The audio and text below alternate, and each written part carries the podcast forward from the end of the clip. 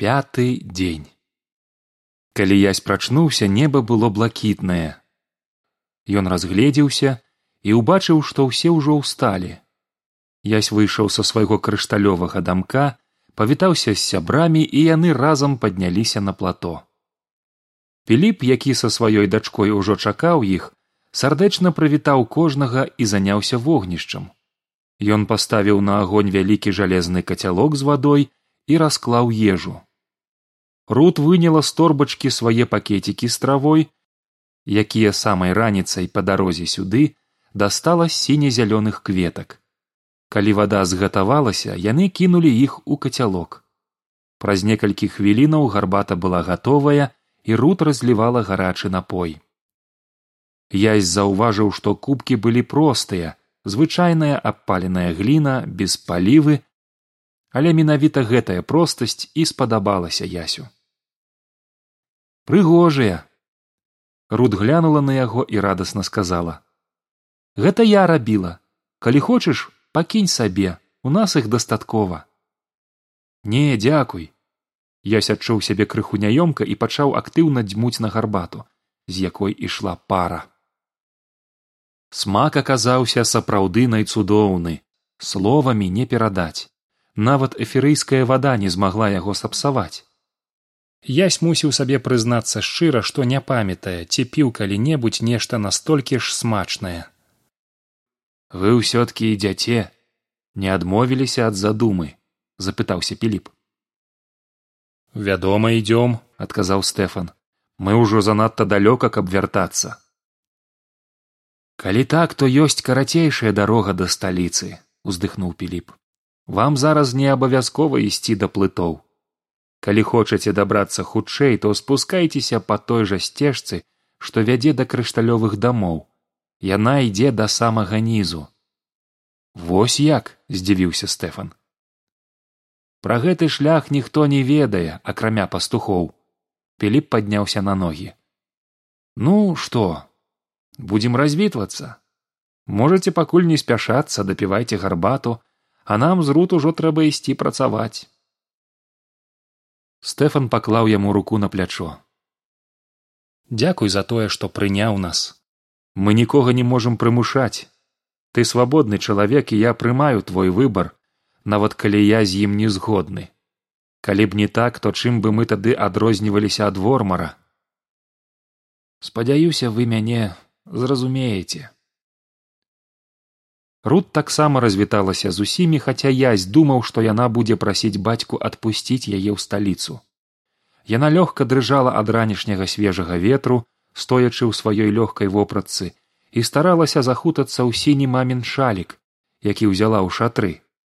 Язь падаў ёй руку на развітанне і яна паціснула яе, гледзячы сабе пад ногі.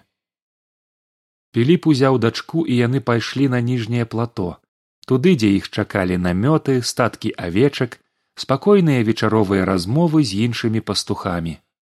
Язь глядзеў услед рут і яму стала прыкра што ён больш ніколі яе не ўбачыць. Рут азірнулася і сэрца яся замерла. Калі яму здалося што яна паглядзела на яго.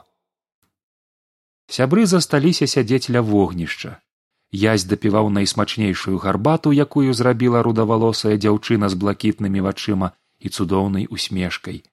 Эміль прылёг на нагрэтыя ўжо сонцам шырокія камяні заклаўшы руки за галаву сагнуўшы адну нагу ў калені і ўставіўшы ў куток вуснаў травінку. Натан падняўшы галаву імкнуўся разглядзець птушак што ціўкалі недзе ў высокім кустоўі якое расло тут паміж каменняў відаць ён спрабаваў высветліць што за від засяляе пляскатыя горы. Астатнія проста моўчкі сядзелі каля агню. Нічога не разумею выгляд ухваўлюса быў разгублены. Дзе іншыя? Куды яны падзеліся? З іх схову было відаць што піліп і рут ідуць з плато адны.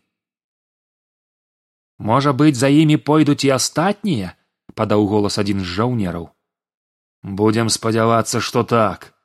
Скала там стромая па ёй яны не спусцяцца гэта зразумела піліп з дачкой сышлі долу і нікога болей не чакаючы скіраваліся да статкаў хваўлюс гнеўна засоп носам дык дзе ж шосты і ўся хеўра нешта тут не тое.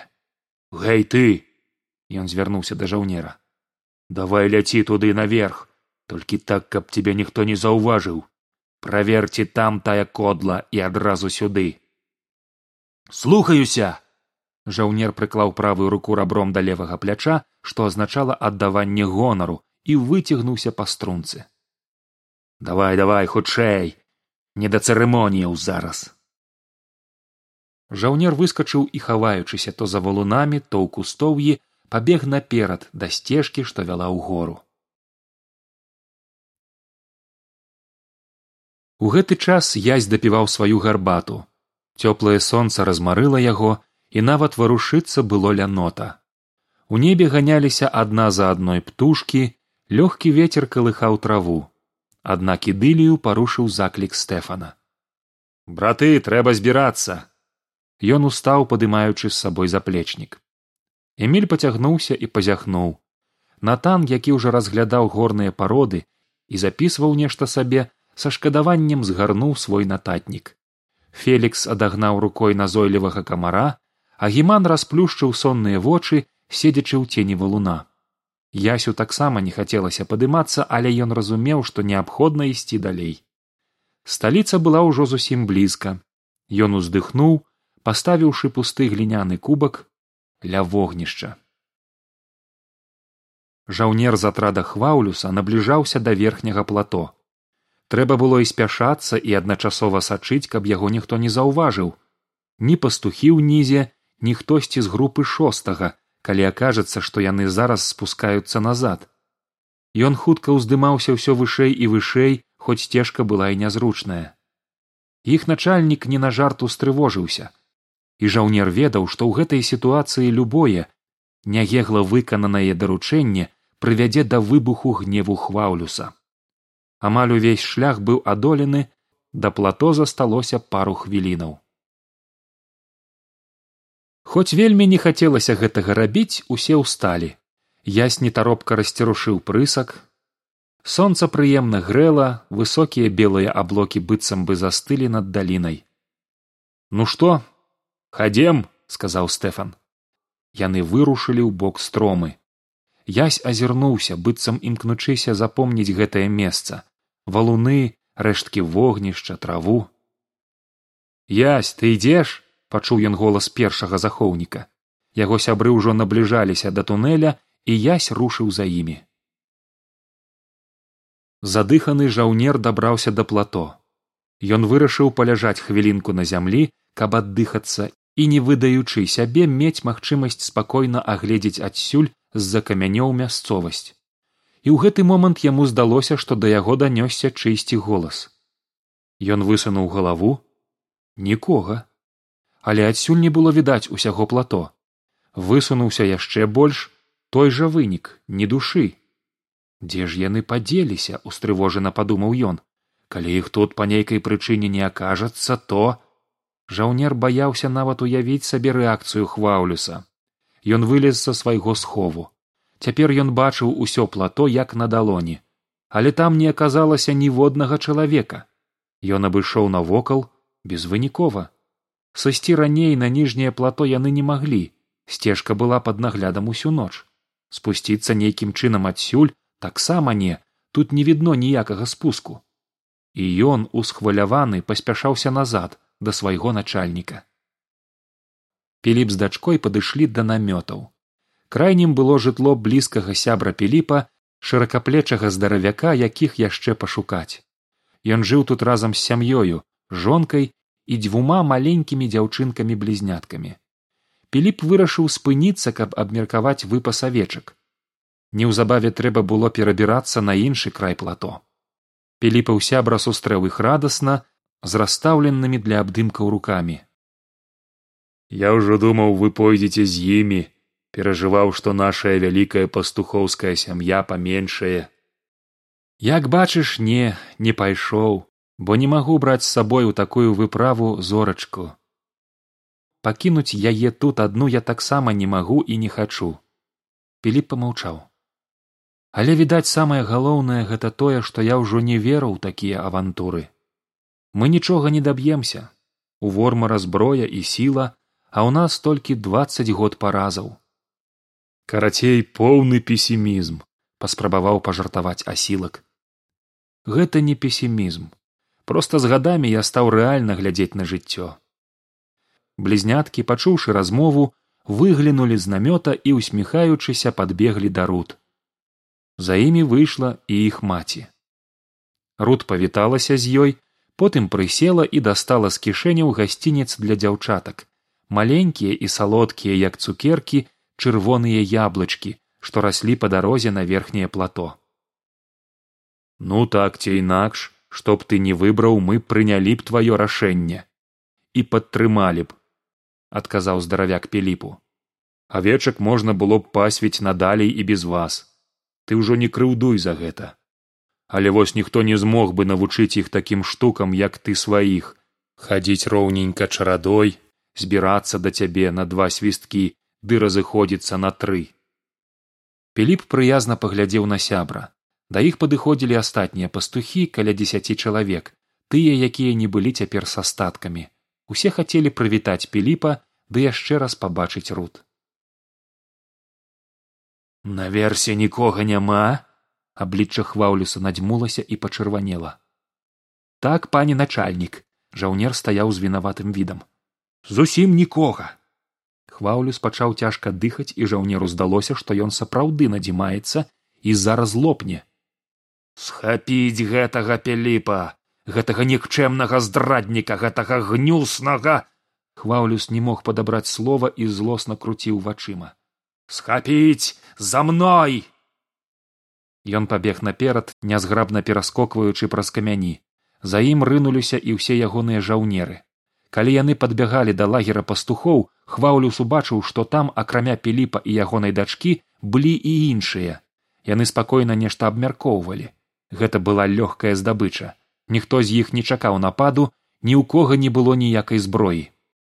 Піліп паспеўшы заўважыць небяспеку крыкнуў дачцэ бяжы яна ўскочыла трымаючы кій у руках аднак не пабегла.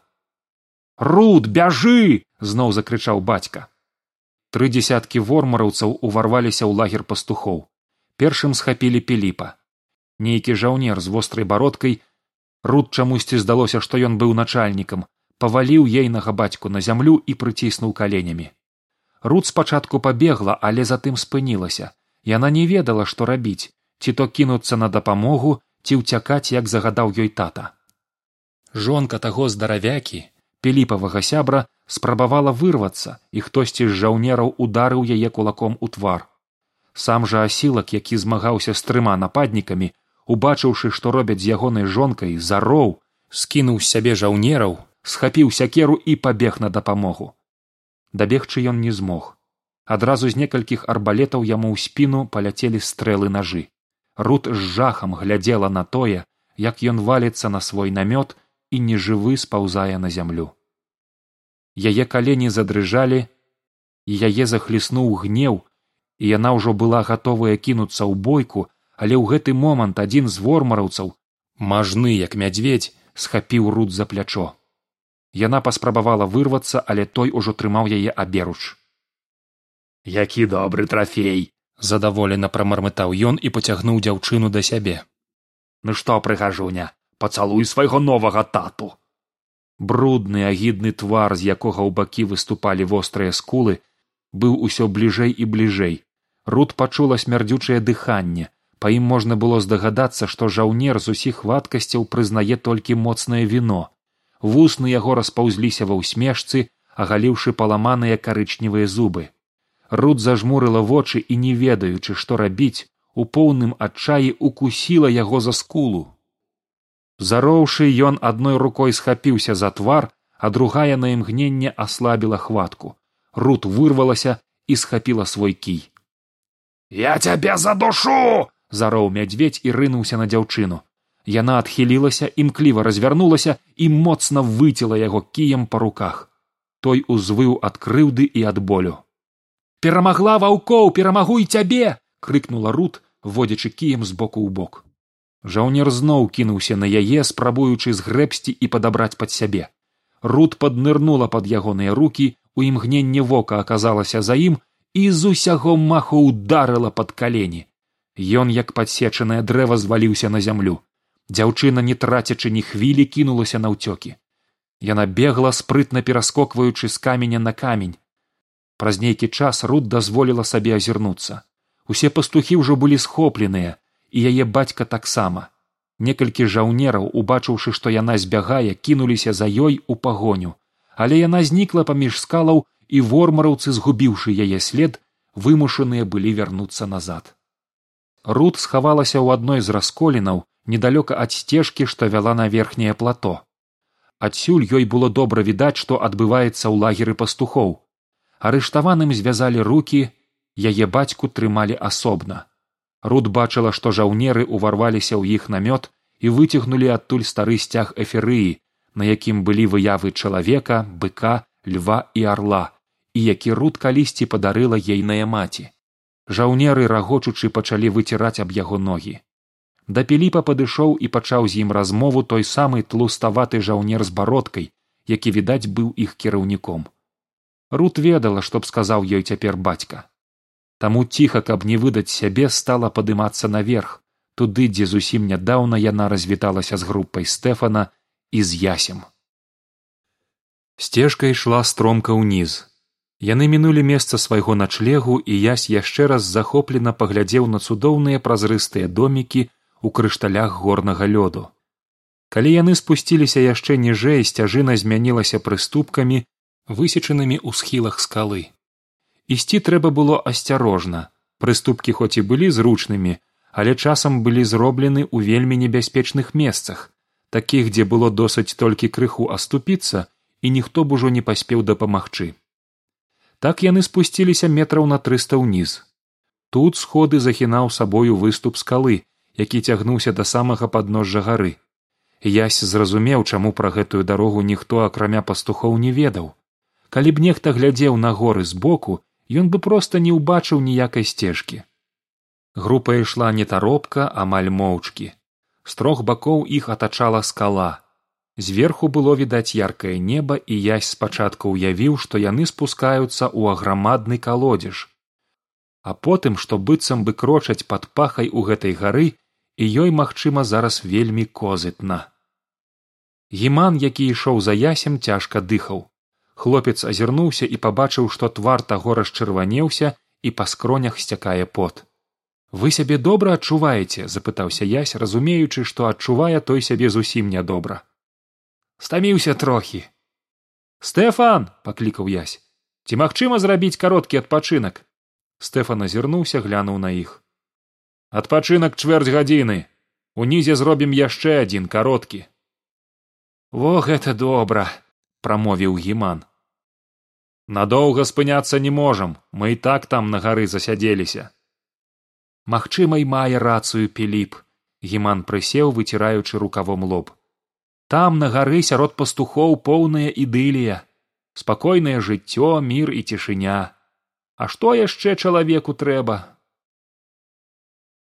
Хваўлюс схіліўся над піліпам і злосна ўтаропіўся сваімі звужанымі зрэнкамі ў яго вочы давай выкладвай пра што ты гаварыў з бунтаўнікамі хто бунтаўнікі тыя што тут былі першы раз чую. Мы гаварылі пра авечак пра што ж яшчэ? Мы авечак гадуем. Хваўлюс наўзмах ударыў піліпа па твары як ты асмеліўся ды ты з кім размаўляеш? Не ведаю. Вы не назваліся я з табой цацкацца не буду. Яшчэ адзін балючы ўдар слухай ты піліп ён жа захоўнік гіяцынта прыкідвацца няма сэнсу. Піліп ледзь заўважна ўздрыгнуў. Я пастух і продкі мае заўсёды былі пастухамі. Абшукаць яго у яго мусіць быць камень аранжавага колеру аддаў загад хваўлюс жаўнеры паставілі старога на ногі вывернулі ўсе ягоныя кішэні вытраслі торбу але не знайшлі нічога. Тады хваўлюс разарваў кашулі на грудях піліпа спадзяючыся што крышталь гіяцынта вісіць у таго на шыі але і тут нічога не было. Дзе камень? Камень? Ды тут паўсюль камяні. Гэта ж горы! Хваўлюс зноў ударыў піліпа ў твар і ў таго з вуснаў пацёк струменчык крыві. Перакапаць тут усё зноў загадаў начальнік вормараўцаў. Усе намёты абшукаць усіх пастухоў! Шукайце камень! Рут урэшце прадзёрлася праз вузлы у якія былі завязаны перакручаныя галіны кустоўя і выйшла на верхняе плато. Затым яна прабралася праз падземны праход і выйшла да спуску са стромы але і тут на сцежцы ўжо нікога не было. Значыць яны ўжо спусціліся няўцешна падумала яна. І я не ведаю куды яны пайшлі. Яна была гатовая заплакаць і раптам убачыла што ўнізе на зямлі з'явіліся маленькія ледзь відочныя кропачкі. Праз некалькі імгненняў яны аддзяліліся ад скалы у руд закалацілася сэрца вось яны яшчэ тут але як жа іх дагнаць пакуль яна будзе спускацца яны сыдуць кудысьці ў лес. Як жа паведаміць што яна тут? І ў гэты момант у яе нарадзілася ідэя. Яна хутка развязала свой блакітны шалік падняла невялікі камень памерам з паўдалоні на імгненне задумалася кінула камень на зямлю адламала ад куста які рос са сцяны кавалак важкай тоўстай галіны і спрытнымі рухамі на некалькі вузлоў завязала на ёй шалік толькі б яны заўважылі. І толькі б ні ў кога не патрапіць думала рут. Яна размахнулася і шпурнула адломак дрэва з прывязаным шалікам. Яркай блакітнай стужкай быццам камета з хвастом ён паляцеў у паветры і знік. Сэрца рут адчайна калацілася. Яна сачыла за цёмнымі кропачкамі ўнізе. Цягнулася трывожнае чаканне і яна не ведала ці яе задума ўдалася. Ажно раптам кропкі спыніліся не верачы сваім вачам дзяўчына стала на самы край сцежкі пачала размахваць рукамі і закрычала гэта рут! Стойце!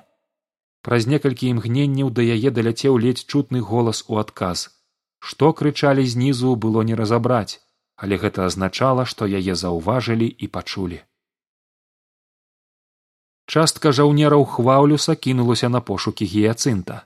Спачатку ператрэслі ўсе рэчы ва ўсіх намётах другая частка адправілася далей да авечых статкаў. Там яны арыштавалі сем'і астатніх пастухоў яшчэ каля трыццаці чалавек. Пошук у намётах выніку не даў каменя нідзе не было. Потым абшукалі ўсіх пастухоў таксама без выніку. Затым хваўлюс аддаў загад дапытаць усіх але ніхто з іх не ведаў ці не хацеў гаварыць нічога пра крышталь. Тады хваўлюс падышоў да піліпа з нядобрай усмешкай і сказаў найбліжэйшаму жаўнеру. Дзе яго дачка? Вядзіце яе сюды у піліпавых вачах прамільгнула трывога і хваўлюс зларадна працадзіў скрозь зубы. Не скажаш дзе гіяцынт? Я яе заб'ю у пане начальнік раптам прагучала збоку. Дык яе ну няма выгляд мажнога жаўнера таго самага мядзведзя які напаў на рут быў вінаватым. Не зразумеў хваўлюс утаропіўся ў падначаленага. Дазвольце так сказаць далажыць. Збегла. Хваўлюс падышоў у шчыльную да жаўнера і закрычаў яму ў твар. Ты што не мог схапіць нейкую там дзяўчынку? Дык яна так сказаць таго. У яе палка была якая яшчэ палка! Жаўнер не адважыўся адказаць. Куды яна пабегла ты хоць бачыў? Мне здаецца туды мядзведь паказаў рукой угору. Наверх! Хваўлюс прайшоў некалькі крокаў моўчкі і загадаў. Тады і мы туды ж значыць так. Гэтых ён паказаў на пастухоў можаце развязаць і пакінуць тут. Яны нам не патрэбныя гэтага палец уперся ў грудзі піліпа бяром з сабой. Ён сам па сабе нават і без камянёў каштоўная здабыча. За такую авечку вормар добра заплоціць